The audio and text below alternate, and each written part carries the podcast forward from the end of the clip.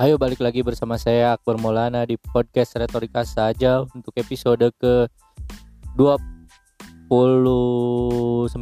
kayaknya. Gak tahu lupa yang pastinya episode seberapa. Uh, hari ini tak hari Selasa tanggal 26 Oktober direkamnya masih bersama penyiar kesayangan Anda uh, Akbar Maulana di sini. Nah, gimana kabarnya semuanya di akhir Oktober ini uh, yang sudah gajian. Apakah uh, cukup menyenangkan gaji hari ini? Mengingat pandemi sekarang udah bulan ketujuh dan kayak masih struggle gitu kan uh, ekonomi banyak yang bermasalah gua tahu gitu. Ketika dengar kabar gitu kan. Terus uh, demo masih berlanjut juga kan terkait dengan omnibus law yang masih belum di hadang dan di tetap masih disahkan gitu kan. E, terus juga kayak e, kayak pandemi yang udah tujuh bulan ini bikin banyak perusahaan besar yang seharusnya kuat gitu ya mengingat mengingat e, nilai valuasinya ya. Nilai sebuah perusahaannya itu ya tapi mulai memecat beberapa pegawainya kayak gue dengar Garuda gitu kayak 700 pegawainya dipecat pesawat gitu. Airlines kan mulai terdampak terus kayak gue lupa lagi apa ya yang kemarin. Kayak kayak pokoknya yang berkaitan dengan pariwisata sih berdampak ya kayak pesawat terbang seperti itu atau mungkin jasa promotor. Mungkin juga kayak oh iya dan El Sinta juga kan mem memecat sebagian uh, merumahkan dalam hal ini bukan mem me memutus kontrak gitu. Beberapa pegawainya gitu kan. Terus juga banyak lagi hal-hal yang sebetulnya kita khawatirin gitu. Setelah tujuh bulan kena pandemi sangat terdampak sekali ekonomi gua gua rasa ya. Mengingat kayak makin banyak orang yang usaha gitu kan kayak makin banyak yang dagang gitu mungkin karena berhenti bekerja. Karena misalnya pabriknya bermasalah gitu orderannya dikit jadi pada banyak pemutusan hubungan kerja dan akhirnya pada bikin usaha sendiri gitu. Meskipun ya kecil-kecilan gitu kayak pedagang kaki lima juga ya banyak lah dampaknya gitu kan. Jadi bagi kalian yang masih merasa uh, ya semoga aja kita masih bisa bertahan gitu di dera pandemi dan yang mengakibatkan ekonomi kita sekarang sekarang ini bermasalah. Semoga semuanya lancar dan sebagainya sebagainya lain. uh, selain itu juga gue mau ngasih tahu bahwa gue tuh kemarin sedang skripsi ya setelah tujuh tahun hampir hampir tujuh tahun hampir delapan tahun gue akhirnya bisa menyelesaikan kuliah gue dalam hal ini gue selesai sidang skripsi meskipun gue nggak yakin. Maksudnya gue nggak terlalu yakin gimana nanti gue bisa sidang bisa lulus sidang skripsinya tapi gue bersyukur aja karena gue berhasil sidang skripsi gitu. Dan berhasil menjalaninya dengan ya sosok gitu. Kadang ada bagusnya ada buruknya gitu. Dan dan karena inilah maka gue menyadari bahwa eh, so so so ini ya jadi jadi jadi kayak jadi kayak gini tuh bikin gua khawatir gitu. Karena gua belum tentu lulus karena ternyata setelah sidang skripsi itu tidak diumumkan sidang skripsinya tuh lulus atau enggak gitu. Jadi ada sidang yudisium yang bikin uh, yang menjelaskan apakah kita lulus sidang atau enggak. Nah sidang yudisium itu mungkin beberapa minggu lagi dan gue tuh berpikir kayak ada ngelihat orang-orang yang udah baru sidang skripsi dan belum dinyatakan lulus sidang skripsi itu udah kayak udah wisuda aja gitu kayak selamat sudah SPD selamat selamat selamat. Terus gue kayak men tenang dulu men calm calm, calm down gitu kayak santai santai gitu. Lu jangan ngabisin eh, kepuasan lu untuk yang sementara gini. Terus gue kayak gue khawatir gitu kan kalau misalnya udah kayak meriah gitu ternyata sidang skripsinya diulang lagi gitu ternyata si sidang skripsinya gagal gitu dan gue kayak terus gue itu tuh pasti malu kan? Ketika hal itu terjadi ya jadi gue berpikir kayak gue tuh khawatir sih untuk sesuatu yang nggak pasti dan belum pasti itu untuk dirayakan. Tapi ya terserah ya maksud gue ya hak orang untuk melakukan itu cuman tumat sih nggak boleh. Atau mungkin karena gua nggak doyan perayaan ya seperti biasa gua gua nggak doyan perayaan yang terlalu meriah dan seperti perayaan yang terlalu meriah gitu banyak yang jadi so asik kan itu juga sering terjadi. Di perayaan tuh banyak yang so asik yang kita tuh gak kenal gak terlalu akrab tapi kayak nanya-nanya gitu yang ya gue tahu bahasa basinya umum gitu kayak udah nikah belum atau kayak udah punya pacar gitu gimana sekarang sama siapa sekarang hal-hal yang kayak gitu yang kayak enggak teman gitu kayak ya udahlah gitu. Gue gue tuh sebetulnya sangat putus ya. Padahal hal itu tuh biasa aja. Lu kalau nanya ya udah sekarang sama siapa aja? Sama siapa sekarang gitu kayak ya emang hidup gue tuh soal tentang perempuan gitu kayak enggak juga kan. Tapi ada point of view dari orang yang pasti kalau ketemu tuh nanyanya ada pasangan nggak sekarang? gitu. Sama siapa sekarang? Kayak gitu-gitu nah itu tuh sering sering menjadi template ketika kita ada perayaan. Perayaan apa pun ya. Hari raya atau ulang tahun dan sebagainya lah. Lu ngerti mungkin maksud gua apa. Nah karena gua sidang skripsi kemarin juga alhamdulillah gitu ya akhirnya setelah tujuh tahun berdarah-darah menurut gua sih kayak leganya tuh kayak bucat bisul gitu kayak anjir ternyata bisa loh sidang skripsi gitu kayak gak nyangka. Terus gue kayak mikir ya mungkin emang gue tuh kayak gini gitu jalannya dan gue kayak bersyukur banget gitu. Ternyata hal yang gue pikir gagal ternyata masih ada harapan dan akhirnya berhasil gitu. Meskipun gue siap untuk misalnya gagal pun gitu gue bisa menerima konsekuensi apa pun yang terjadi. Karena emang gue goblok gitu baru lulus tujuh setelah tujuh tahun. Tapi ya alhamdulillah bisa selesai gitu ah banyak juga yang pengen gue bahas. Kayak sekarang tuh yang yang sedang hangat di sosial media tuh kayak uh, ini tahu nggak sih yang komodo pulau komodo yang akan di dibuat semacam Jurassic Park gitu kayak di Taman Nasional bakal dibikin semacam uh, tempat wisata khusus gitu. Yang dihususkan. Kayak dibuat uh, tempat makan, tempat minum, tempat istirahat atau mungkin merchandise atau mungkin lounge gitu tempat orang-orang nongkrong di situ gitu. Di hutan eh di taman nasional yang ada komodonya.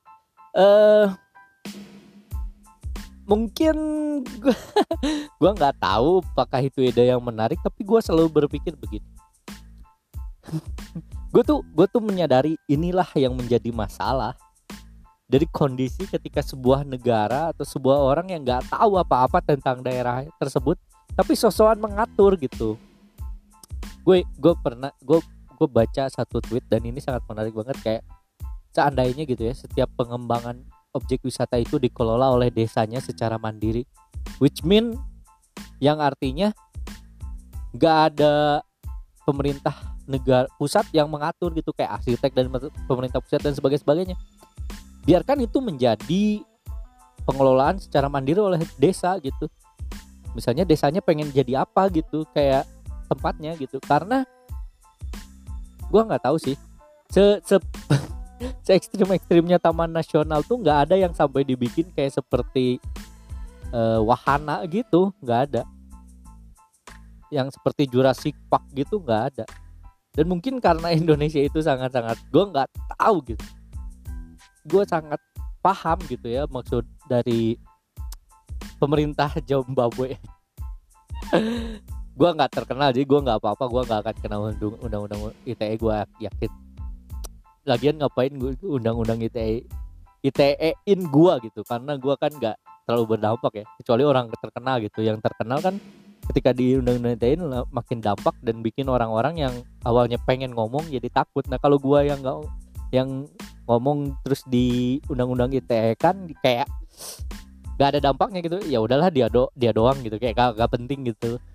Gak ada yang tetap aja orang-orang banyak ngomong gitu.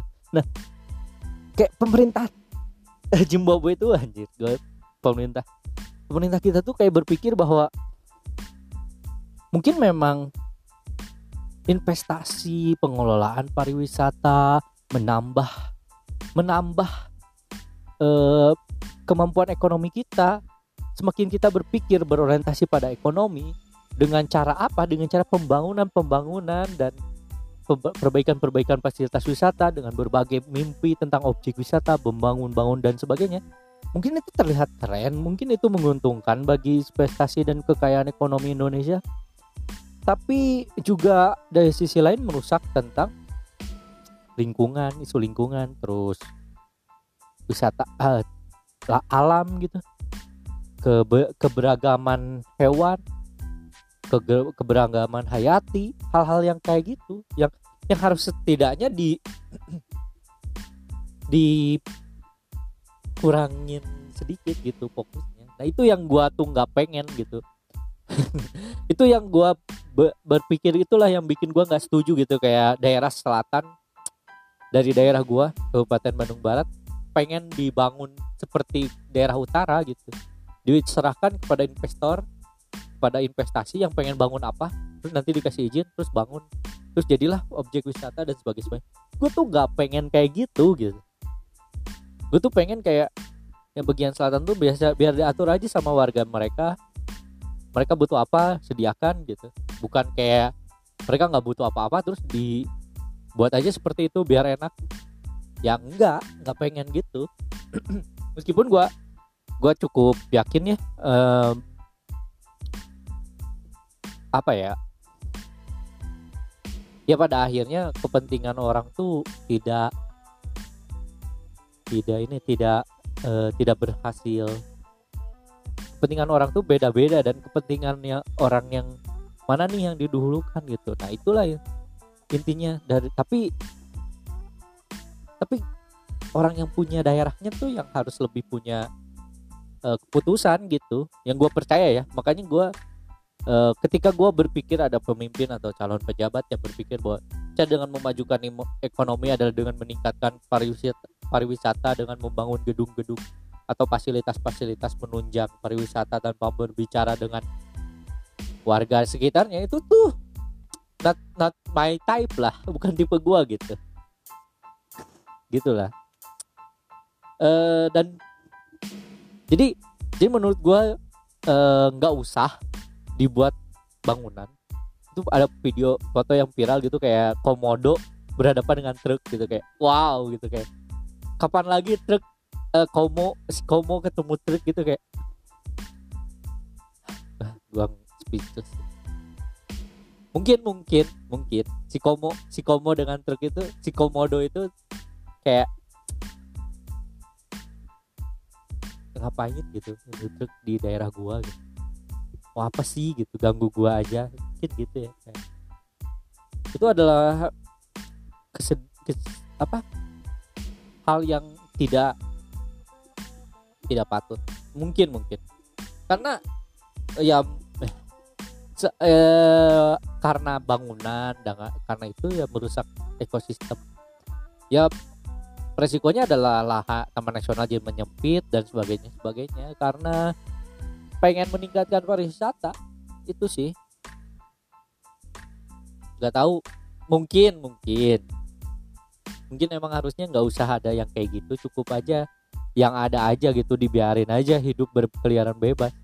Tinggal bersama komodo gitu e, warga sekitar udah gitu doang.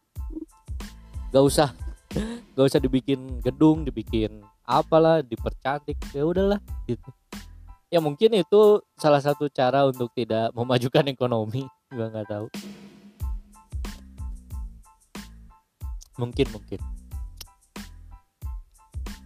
Aduh. Menurut lu anjir gua nggak perlu Beijing ya gua akan loncat langsung ke topik selanjutnya. Menurut lu cewek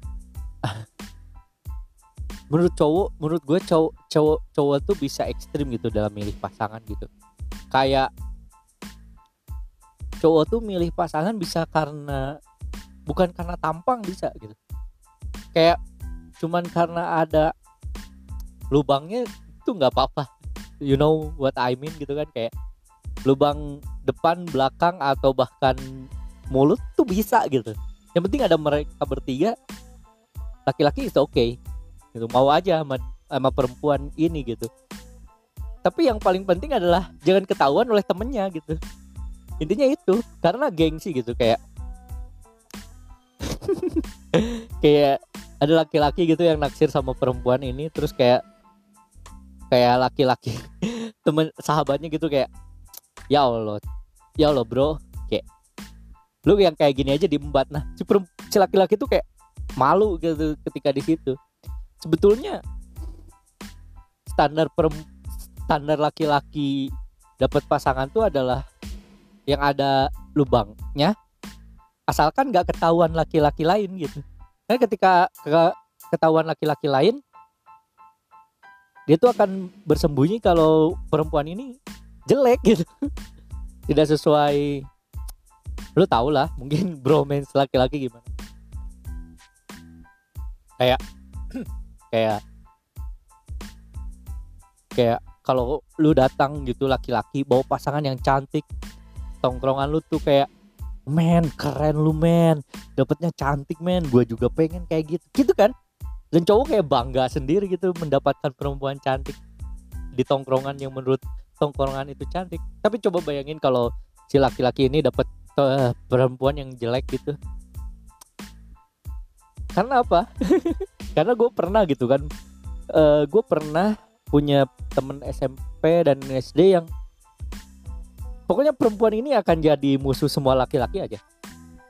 Bukan karena jelek atau enggak ya jelek ya jelas gitu. Tapi uh, bukan gimana ya kayak gak jago dandan aja gitu ya. Dan dan gue yakin ya gue yakin kalau nggak ketahuan oleh semua laki-laki di situ dan cuman ada perempuan itu tuh laki-laki bakal ngembat gue yakin ya. Di salah satu temen gue nih menjudge satu orang ini jelek bahkan sampai dijodoh-jodohkan ke orang lain yang kayak ih gue nggak mau nih sama dia kayak pokoknya ada satu perempuan yang saking jeleknya semua laki-laki tahu dia jelek gitu.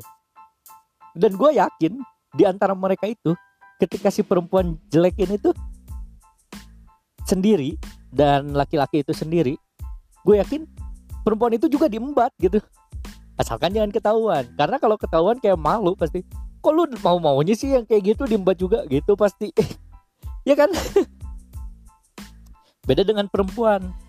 Kalau cewek kalau ngelihat laki-laki ya lihat tampangnya gitu.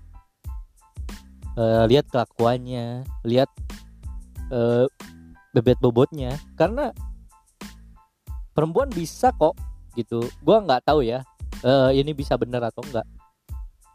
Perempuan bisa kok pacaran tanpa seks gitu. Menikah tanpa seks tuh bisa. Gue yakin gue nggak tahu juga laki-laki apakah bisa atau enggak. Tapi tapi gue yakin ya gue yakin. Gue gue yakin gue cukup yakin. Perempuan pasti nggak mau e, melakukan berhubungan badan gitu ya dengan laki-laki yang bukan tipenya dia gitu yang mukanya jelek gitu kayak di mulutnya bau aja itu pasti nggak mau gitu. Bukan karena diomongin oleh temennya tapi karena dia nggak mau aja.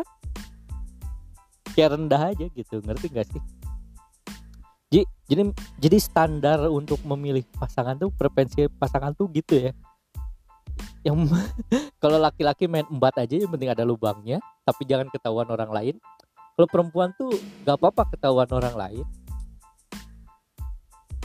tapi asal dia suka gitu.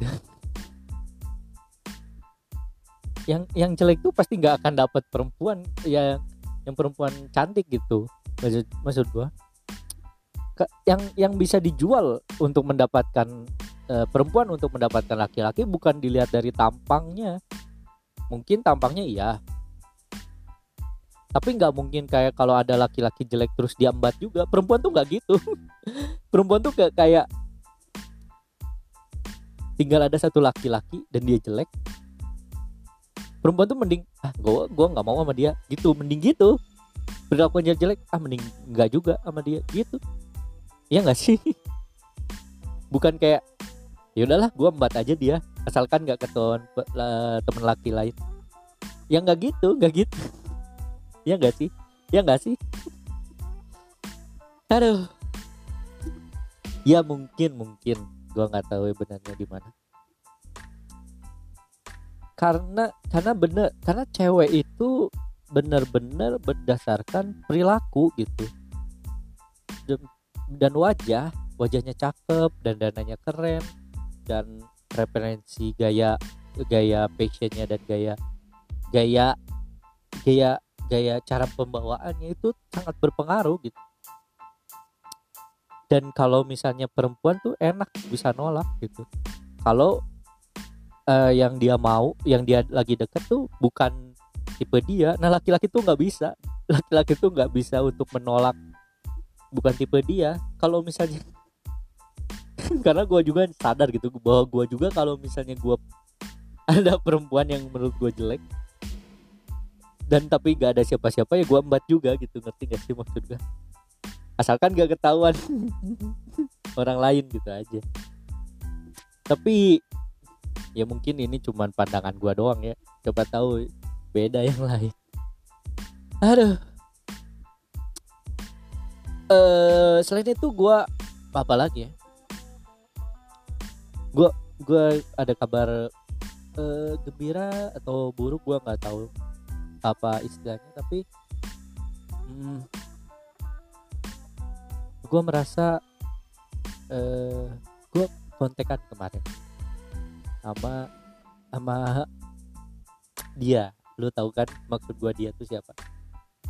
Orang yang ada di episode episode sebelumnya. Setelah sidang gitu ngobrol panjang lebar. Dan gua nggak pernah ngobrol sepanjang lebar itu setelah dua minggu atau tiga minggu gua nggak tahu.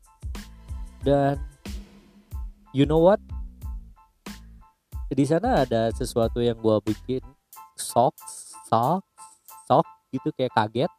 Dan dan emang kaget banget gitu. Uh, eh, gue bingung bersikap gimana. Tapi gue bersyukur uh, gue nggak tahu uh, bersyukur gue ini penting atau maksudnya ini baik atau enggak.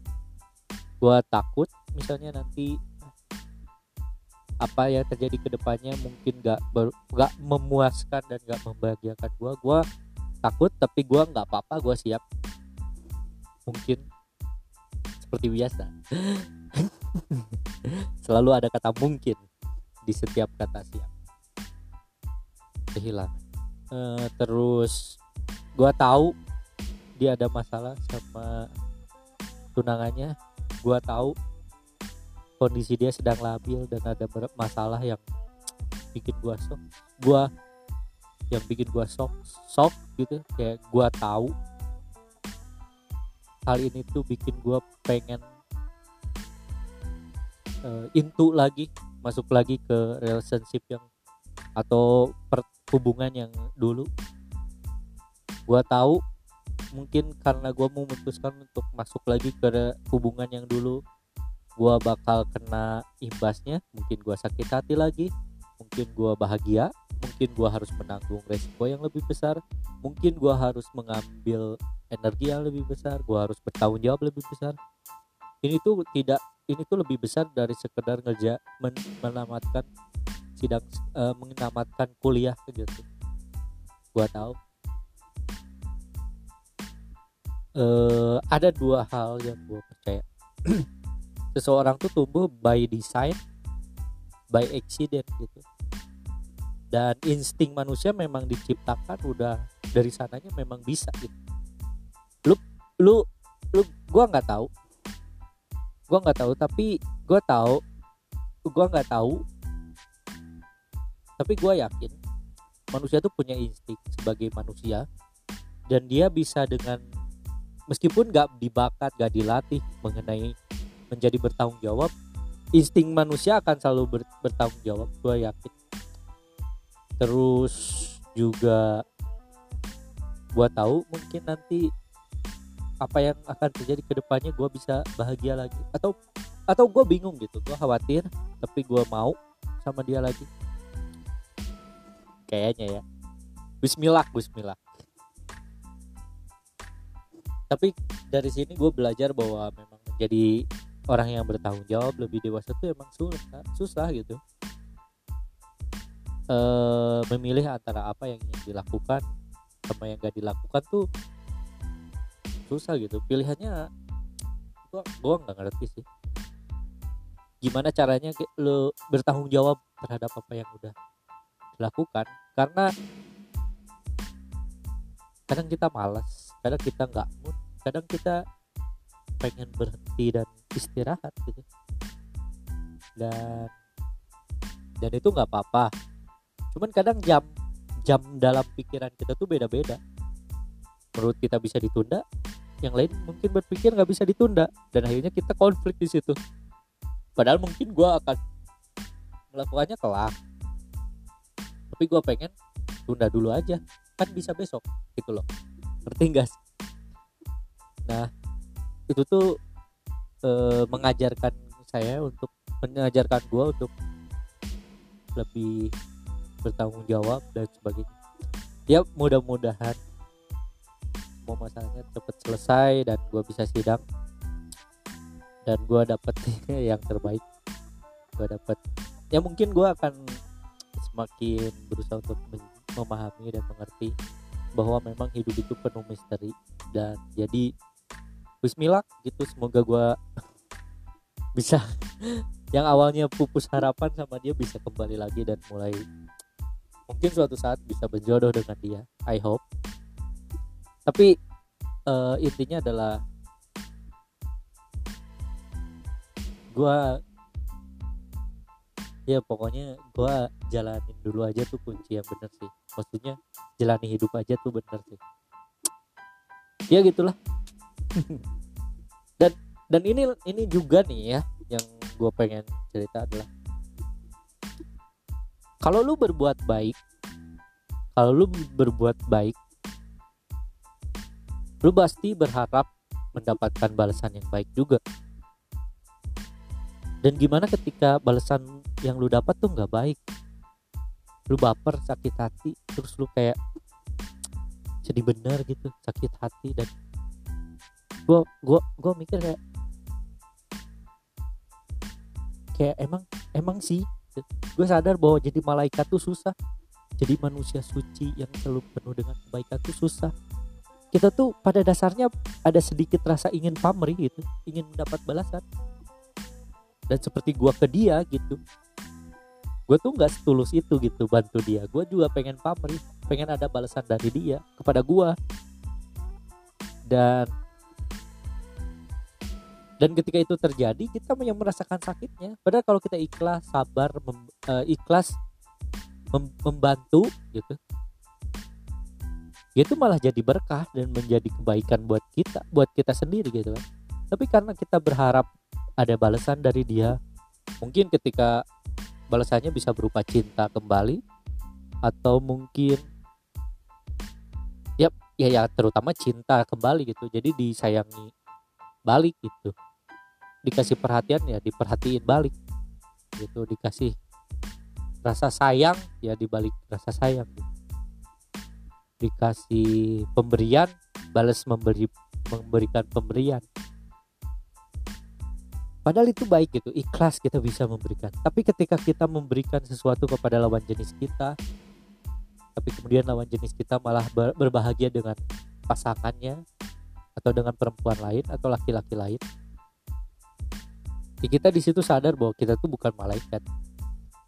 Kita tuh perlu bantuan dia, perlu balasan dari dia bahwa ya gue melakukan ini tuh agar lu tuh gak cari sama orang lain agar lu tuh sama gue dan lu hargai gue gitu. Dengan apa? Dengan gak mendekati perempuan lain. Karena gue tuh sayang sama lu makanya gue kayak gitu. Itu tuh yang gak bisa didapatkan dari perasaan persahabatan. Ya gak sih? Kayak perasaan lawan jenis itu pasti pamrih gitu. Pertemanan lawan jenis tuh pasti pamrih gitu. Pengen ada balasan dan balasannya tuh kayak susah diungkapkan ya mungkin rasa sayang. Tapi kalau sahabat gitu sahabat mah nggak perlu gitu kalau dia asik ya udah asik. Kalau dia nggak asik ya udah nggak asik. Gitu. Kayak sahabat mungkin seneng. Perempuan ini sibuk dengan pasangannya. Sahabat mungkin seneng punya pas sahabat lain. Tapi kalau perempuan dan lawan jenis gak mungkin gak seneng gitu. Nggak tahu juga sih. Ada ada rasa cemburunya sedikit. Mungkin ya mungkin semua ini cuman retorika ya belum tentu benar. Karena gue nggak banyak baca. Aduh. Gue tuh nggak bisa melucu selama 30 menit ini banyaknya serius. Ternyata memang ya pokoknya intinya gitulah. Uh, untuk hari ini thank you. Udah yang dengerin untuk yang lupa kalau dengerin podcast ini kasih tahu gue lah biar gue tuh tahu bahwa ada yang dengerin. Kalaupun gak ada ya udahlah gue tetap akan melakukan ini.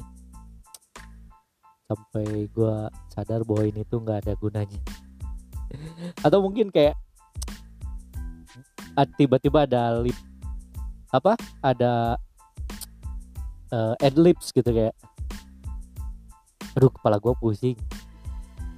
Lu lu kalau misalnya malam-malam gitu ya begadang gitu kalau terus tiba-tiba kepala lu pusing gunakanlah press care gitu kayak wah oh,